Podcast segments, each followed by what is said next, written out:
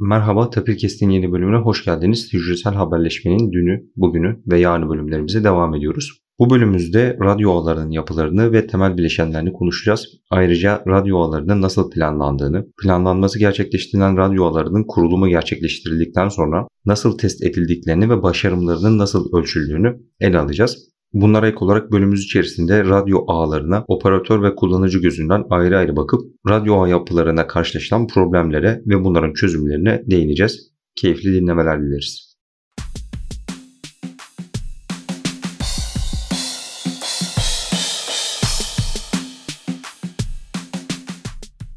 Cengiz Hocam hoş geldiniz. Hoş bulduk Halil'cim. Hocam bir önceki bölümümüzde hücresel haberleşme ağlarına giriş yapmıştık ve hücresel haberleşme ağlarına genel bir bakış atmıştık sizinle beraber. Şimdi o bölümde konuşacağımız daha pek çok farklı konu var dedik ve bugün network konuşmak üzere bir GSM şebekesinin ağ yapısı nasıl parçalardan oluşuyor, bu parçaların görevleri nelerdir ve neden bu şekilde tasarlanmış yani bu şekilde yapmamızın temel sebepleri nelerdir? Bunları konuşmak üzere sizleri davet ettik. Teşekkür ederiz hocam. Rica ederim. Hocam şimdi öncelikle aslında girişte sorduğum soruyla başlamak istiyorum. GSM dediğimizde, hücresel haberleşme dediğimizde cep telefonları aklımıza geldiğinde temel olarak herkes baz istasyonunu biliyordur. Ama büyük ihtimalle arkada daha pek çok farklı yapı, pek çok farklı yöntem, pek çok farklı gerçekleştirilen süreç var. Şimdi bu ağ yapısı bir GSM şebekesi dediğimizde temel olarak nasıl bölümlerden oluşmaktadır? Senin de dediğin gibi aslında şebeke çok farklı elemanlardan oluşuyor. Ancak bu elemanlar arasında bir mantıksal bir bağ var ve bu bağı kullanarak aslında biz bir şebeke iç parça olarak ifade ediyoruz. Bunlar da radyo kısmı şebekenin, core network şebeke dediğimiz şebekenin merkezi kısmı ve bir de data network dediğimiz şebekenin data bağlantısını yani bugün bildiğimiz anlamda internet bağlantısı sağlayan kısım. Aslında şebekedeki tüm elemanlar bu üç kategorinin altında toplanıyorlar. Kısaca görevlerinden bahsedecek olursak isminden de anlaşılacağı gibi radyo kısmı aslında bizim bu kapsamayı sağlayan kısmı. Core şebekede işin santral kısmı. Data da internete çıkışımızı sağlayan, internet data haberleşmemizi sağlayan kısmı. Teşekkürler hocam. Yani radyo dediğimiz şey bizim telefonumuz, baz istasyonları ve onları kontrol eden belki birkaç farklı ekipmandan. Core dediğimiz kısım ise tamamen neredeyse operatörü ilgilendiren ve bizim telefonla konuşmamızı sağlayan neredeyse bütün süreçleri önceki bölümümüzde konuştuğumuz çeşitli süreçler var. Bu insanın borcu var mı? İşte bizim şebekemize ait mi? Bu aramayı gerçekleştirebilir mi? Şu anda nerede çeşitli görevleri vardı Core Network'ün. Bir önceki bölümde Core Network adı altında bahsetmemiştik ama değinmiştik. Bu tarz görevleri yerine getiriyorlar. Şimdi bu bölümde hocam müsaadenizle radyo network network'üne odaklanmak istiyorum. Çünkü radyo dediğimiz şey aslında insanların çoğunun çokça dikkatini çektiği ve herhalde operatörlerin en çok reklamını yaptığı yer. Yani operatörler core network'ün ne kadar iyi olduğunu reklamını pek halka söylemiyorlar. Genelde söyledikleri şey Türkiye'nin %99'u kapsama alanımızda. Önceki bölümümüzde yine kapsamaya bir miktar değinmiştik ama özellikle radyo network'ünün planlanmasında yani kapsamanın planlanmasında e, bu bölümde biraz daha detaylı konuşalım istiyorum. Kitaplara baktığımızda ya da haberleşme ile alakalı bir sunum izlediğimizde, bir program izlediğimizde genelde radyo ağlarının bir altıgen şeklinde olduğunu görürüz. Yani altıgenlerin merkezinde hep bir baz istasyonu vardır ve bu altıgenleri birleştirerek mesela İstanbul'u kapsarız. Altıgenin biri Kadıköy'dedir. Hemen üstünde Üsküdar vardır. İşte sağındaki Ümraniye. Hepsi bir altıgenin içine girer. Belki ben çok büyük ölçekte söyledim bunları ama burada temel olarak neden altıgeni seçiyoruz hocam ve gerçek hayat ile bu teoriyi karşılaştırdığımızda karşımıza neler çıkıyor? Evet Ali'cim tabii verdiğin örnek çok büyük oldu ama ilçe bazında tabii bir ilçede çok sayıda baz istasyonu var. Daha da küçüldü artık baz istasyonları. Mevcut abone trafiğini kaldırabilmek için. Ama sorduğun soru çok mantıklı. Neden altıgeni kullanıyoruz? Aslında altıgenin matematiksel e, veya geometriksel doğasından dolayı altıgen kapsama modeli kullanılıyor. Çünkü bir bal peteğini düşünecek olursan arıların yaptığı bal peteği altıgenleri yerleştirdiğin anda hiçbir boşluk kalmıyor dikkat edersen. Arıların petekleri o tamamen bir kovan altıgen yapılardan oluşuyor. Bir kovanın içindeki her bir dikdört dikdörtgen diyelim. Dolayısıyla hani planlamada da amaç hiçbir yerde bir boşluk bırakmamak. Yani tamamen kapsama sağlamak. Bunu matematiksel olarak modellemeye çalıştığımızda da en uygun geometrik yapı altıgen oluyor. Çünkü bir daire yaptığını düşünsen boşluklar kalacak. Dolayısıyla hani e, kapsamanın elektromanyetik dalgaların yayılımı da nispeten hani altıgene benziyor. Tabi birebir öyle altıgen olmaz ama belli tolerans payıyla dolayısıyla kapsama altıgenle modelleniyor ve böylece birbirine komşu hücreler de kolaylıkla tanımlanabiliyor bu altıgen yapısı içerisinde. Tabi belki birazdan daha detaylı detaylı bahsederiz planlama bahsinde. Planlama aslında sadece bu hücrelerin yeri, lokasyonu değil aynı zamanda frekansında tekrarlanabilmesi özelliğine dayanıyor. Dolayısıyla bu altıgen yapıda bunları bize tekrarlamamıza fırsat veren bir yapı sağlamış oluyor. Yani hocam planlamayı göz önünde bulundurduğumuzda yeni bir yere yeni bir radyo network'ü kurmak istiyoruz. Radyo ağ yapısı kurmak istiyoruz ve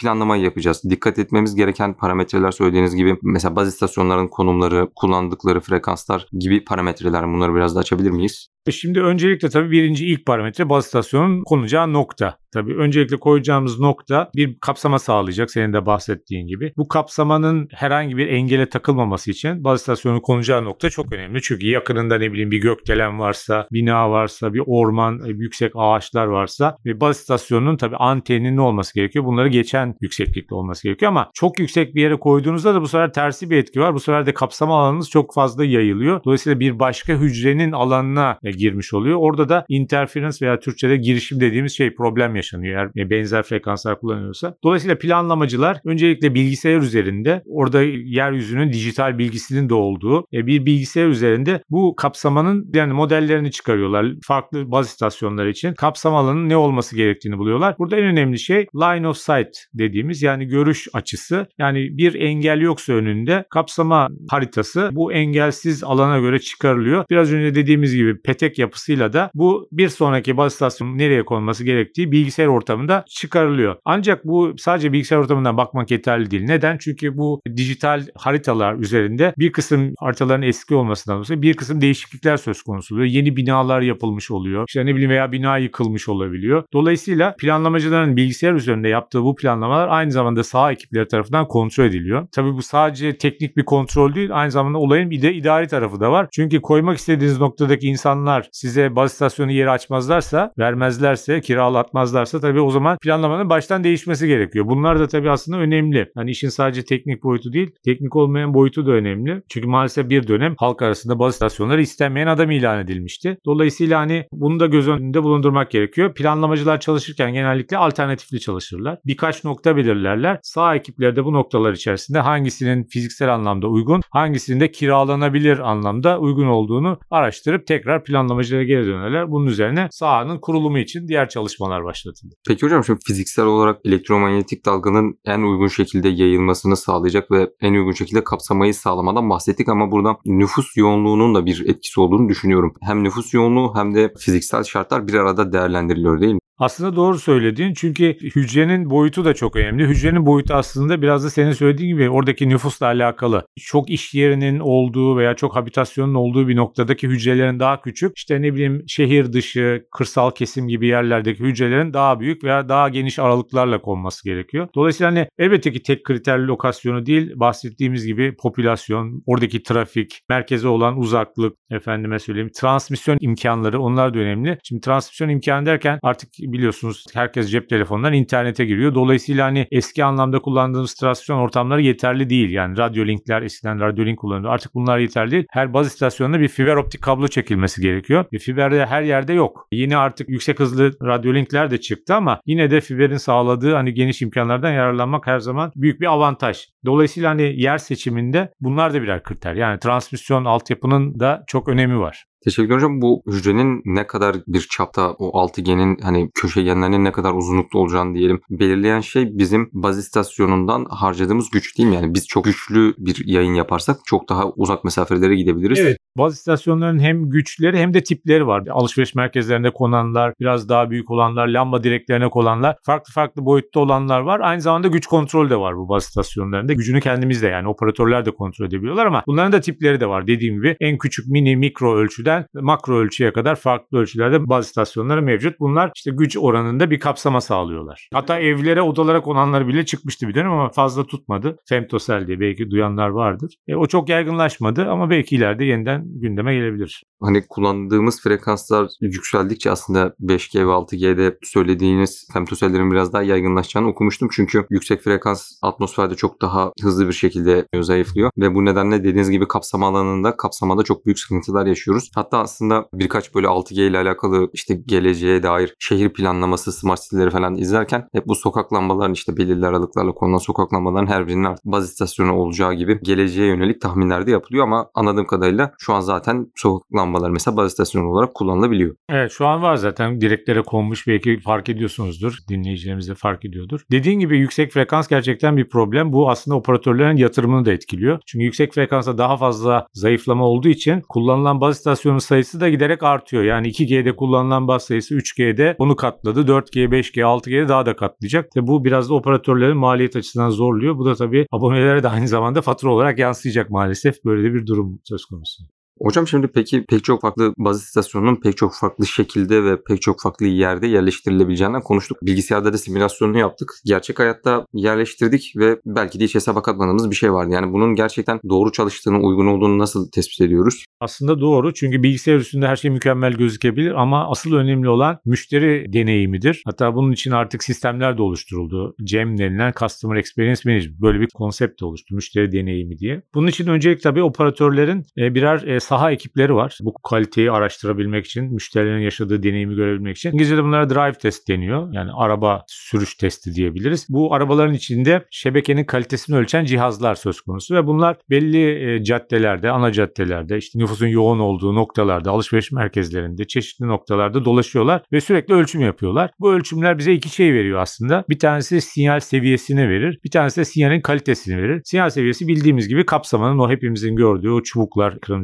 üzerindeki onun sayısal karşılığını gösterir. Dolayısıyla kapsamanın ne kadar orada sağlanıp sağlanmadığı birebir müşteri gözünden anlaşılmış olur. Diğeri de kalite dediğimiz bit hatası yani gönderilen işarette ne kadar bit hatası oluşuyor. Yine sistemler tarafından bunlar ölçülebilmektedir. Onları görür. Dolayısıyla hani müşterinin yaşadığı sorunları da operatörler tespit eder ama tabii her noktada yapamazlar. Bunu belli başlı rutlar dediğimiz yollar üzerinde, ana caddeler üzerinde, otobanlar üzerinde yapılmaktadır bu ölçümler. Bunun dışında belki ileride konuşuruz. Quality of service dediğimiz hizmetin kalitesi farklı noktalardan yine tespit edilmeye çalışılır. Onu ayrıca bir bölümde ele alırız çünkü o başlı başına bir bölümü doldurur yani.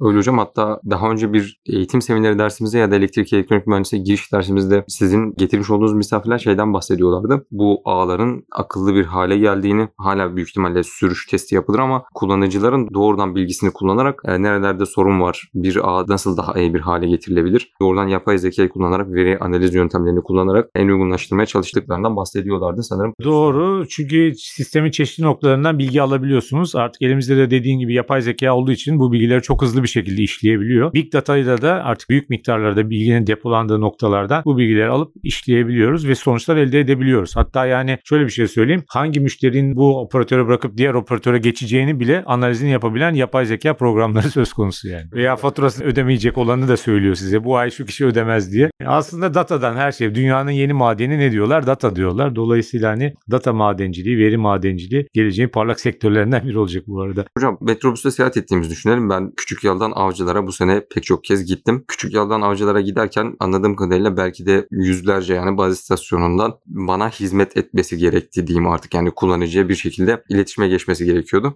E şimdi bu olay bir baz istasyonundan diğerine aktarılma. Çünkü küçük yalıdan bindiğimde ve telefonla konuştuğum zamanlar da oldu avcılara gidene kadar herhangi bir kesinti yaşamadım. Bu metrobüsün hızını göz önünde bulundurduğumuzda, yürümeyi göz önünde bulundurduğumuzda, bu coğrafi yapıyı göz önünde bulundurduğumuzda nasıl sağlanıyor? Yani ben nasıl kesintisiz bir şekilde bütün baz istasyonlarından servis almaya devam edebiliyorum? Evet aslında bu geçen hafta da biraz üstünde bahsettiğimiz mobility konsepti. Yani bu mobil şebekelerde en önemli şey çağrının kesilmemesi. Çağrının kesilmemesi için de hareket halindeyken bir servis veren hücreden kapsam alanını sağlayan o servis veren hücreden diğer bir hücrenin alanına geçtiğimizde çağrının aktarılması gerekiyor. Bu konsept düşünülmüştü bir konsept tabii. Yani mobil haberleşmenin çıkışında en önemli konseptlerden bir tanesi bu. Ve en önemli kalite kriteri de bu. Çağrının kesilmemesi. Dolayısıyla bunun için bir çözüm bulmuşlar. İşte çağrı aktarımı Türkçe'de dediğimiz ama İngilizce'de bilinen tabiriyle veya haberleşme sektöründe bilinen tabiriyle handover deniyor buna. Bir çağrıyı bir hücreden diğer bir hücreye aktarabilmek. E bunu aktarabilmenin yolu da tabii mobil istasyonun çağrı yaparken yani mobil istasyon dediğimiz cep telefonunun aslında teknik adı mobil istasyon. Cep telefonunun sürekli ölçüm alması bu işi yapmasında ona yardımcı oluyor. Ama ölçüm alırken şöyle yapıyor. Sadece kendi hizmet aldığı sektörden veya hücreden değil aynı zamandaki çevre hücrelerden de aldığı, dinlediği frekansların, elektromanyetik dalgaların gücünü ölçüyor. Ve bu ölçtüğü gücü sürekli sisteme yani merkeze raporluyor. Merkez bu raporları karşılaştırıyor ve bu karşılaştırma sonucunda eğer çevredeki hücrelerin sinyal seviyesi ve sinyal kalitesi servis verenden daha iyi ise belli bir süre veya belli bir sayı boyunca ki bunlar belirlenmiştir GSM standartlarında işte o zaman bu çağrı aktarımına veya handover'a karar veriyor. Yani karar veren aslında cep telefonu değil, raporu yollayan cep telefonu ama karar veren sistem. Yani merkezi sistem diyelim. Baz istasyonlarını kontrol eden sistem. Dolayısıyla çağrınız eğer hizmet aldığınız sektörün kalitesi düşmüşse belli bir süre boyunca ve ona karşı bir diğer hücreninki artmışsa sizin çağrınız o hücreden kesilip diğer hücreye aktarılıyor. Yani tabii bunu yapmanın bir sürü yöntemi var. Yani bir sürü sinyalleşme söz konusu. Bu sinyalleşmeler olduktan sonra da çağrınız diğer hücreye aktarılıyor. Burada tabii önemli bir kriter aslında biraz önce de konuştuğumuz planlamaya bağlayabiliriz. Yani bu planlama e, bu hücreyi dinleyeceği hücrelerin mobil istasyon cep telefonu nereden biliyor? İşte bunlar aslında o planlama grubunun sorumluluğu. Planlayıcılar e, bir hücreyi planlarken aynı zamanda o hücrenin etrafındaki çevre hücreleri de o hücreye komşu olarak belirliyorlar. Burada da mühendisler, merkezdeki mühendisler de bu komşu hücreleri o hücreye tanımlıyorlar. Gerçekten software olarak tanımlanması gerekiyor. Bu tanımlama da o baz istasyonundan bir yayın mantığıyla yayınlanıyor. Yani her baz istasyonu komşu hücrelerini yayınlıyor kendisini tanıtıyor ve komşu hücrelerini tanıtıyor. Mobil istasyon da dolayısıyla hangi hücrede hangi komşular var biliyor ve onlara kitleniyor, onlara dinliyor, sürekli ölçüm yapıyor ve herhangi bir e, belli süre boyunca ölçüm ondan iyi çıkarsa kendi hücresi servis aldığı hücreden dolayısıyla oraya sistem tarafından aktarılıyor. İşte biz buna handover diyoruz. İşte handover'da en önemli kriter planlamanın doğru yapılması. Yani o hücrenin komşulukları hangileri? Bunun için de planlamacılar hem bu dijital datalar üzerinden hem de bu drive test dediğimiz biraz önceki sağ ekipleri de hangi e, hücrenin etrafında diğer hücrelerin frekansları gözüküyor. Bunları sürekli takip edip güncellemek zorundalar. Hocam şimdi bir yerde bulunduğumuzu düşünelim ve etrafımızda belirli sayıda baz istasyonu var ve bunların hangi frekansta yayın yaptığını, bunlardan aldığımız gücü falan sürekli gönderiyoruz dedik. Planlama bakış açısıyla baktığımızda bu baz istasyonlarının çalışma frekansları nasıl belirleniyor? Evet şimdi planlamacılar şöyle çalışıyorlar. Şimdi biraz önce ilk konuşmaya başlarken altıgen hücrelerden bahsetmiştik. Altıgeni düşünürsek etrafında 6 tane hücre var. Yani bunu şey örneğine benzetebiliriz. Bir Türkiye iller haritasını renklendireceğinizi düşünün. Aynı renklerin yan yana gelmemesi gerekiyor. Dolayısıyla ortaya bir renk koydunuz. Etrafına 6 tane renk koydunuz. Bunu bir küme gibi kabul edersek bu kümeyi tekrar edebilirsiniz. Ama tekrar ederken aynı renklerin birbirine değmemesi gerekiyor. Neden? O zaman iki ilin rengi aynı olur. Sanki iki il tek ilmiş gibi olur. Bunu şimdi bizim GSM'e uygulayacak olursak burada da bu renk renkler aslında bizim frekanslarımız. Tabii bu frekanslar belki ileride konuşuruz. Bunlar teknolojide değişti artık bu kavram. Koda da geçti bir miktar. Kod olarak da düşünebiliriz ama frekans diye devam edelim. Dolayısıyla aynı frekanslar farklı hücrelerde gözükmemesi gerekiyor. Yani aynı renk olmaması gerekiyor. Ama bu görünmediği sürece siz bu yapıyı tekrar edebilirsiniz. Planlamacılar böyle çalışır. Çünkü elimizdeki frekans da limitli. Yani istediğiniz kadar frekans kullanamazsınız. Frekansı tekrar tekrar kullanmanız gerekiyor. Veya kod dersek kodu tekrar tekrar kullanmanız gerekiyor. Bunların hepsi limitli verilen şeyler. Dolayısıyla Dolayısıyla planlama bu şekilde yapılıyor. Hocam şimdi hücresel haberleşmede radyo ağları nasıl kurulur, nasıl planlanır, nelere dikkat edilir ve ne gibi temel parametreleri vardır bunları konuştuk. Ben şunu merak ediyorum biraz. Bir işletme sırasında yani gerçek dünyada mühendisler ve teknisyenler çalışırken yani bir radyo ağını işletirken en çok karşılaştığımız problemler nelerdir? Yani ne gibi problemlerle karşılaşırız? Evet şimdi aslında tabii bu sektör gerçekten çok büyük istihdam sağlayan bir sektör. Teknisyenler, teknikerler, elektronik mühendisleri, haberleşme mühendisleri, bilgisayar mühendisleri farklı farklı alanlarda çalışıyorlar. Radyo network'ünü, radyo şebekesini düşünecek olursak aslında 3 tip problemle karşılaşıyoruz burada. Birinci seviye problem, ikinci seviye problem ve üçüncü seviye problemler. Birinci seviye problemler aslında hepimizin bildiği hardware arızaları. Yani donanım arızaları. İşte elektron bu baz istasyonun içinde bir kart arızalanıyor. Baz istasyonun kendisi arızalanıyor. Veya baz kontrol istasyonlarının içinde bir takım kartlar kartlar arızalanıyor. Connect bağlantılarda problemler yaşanıyor. Bunların arasındaki linklerde problemler yaşanıyor. Biz bunları genelde birinci seviye arıza olarak değerlendiriyoruz. Bu birinci seviye arızaları teknisyenler veya teknikerler müdahale ediyorlar. İşte bakım ekiplerinin yanlarında kartlar vardır. Bu kartları değiştirirler. Veya bağlantıyı yeniden yaparlar. Veya bağlantıyı sağlayan altyapı firmasıyla temasa geçip de gerekli olan düzeltmeyi isterler, talep ederler, yaptırırlar. Dolayısıyla bunların müdahalesi 7-24 teknisyenler ve teknikerler tarafından yapılıyor. İkinci seviye bunun üstündeki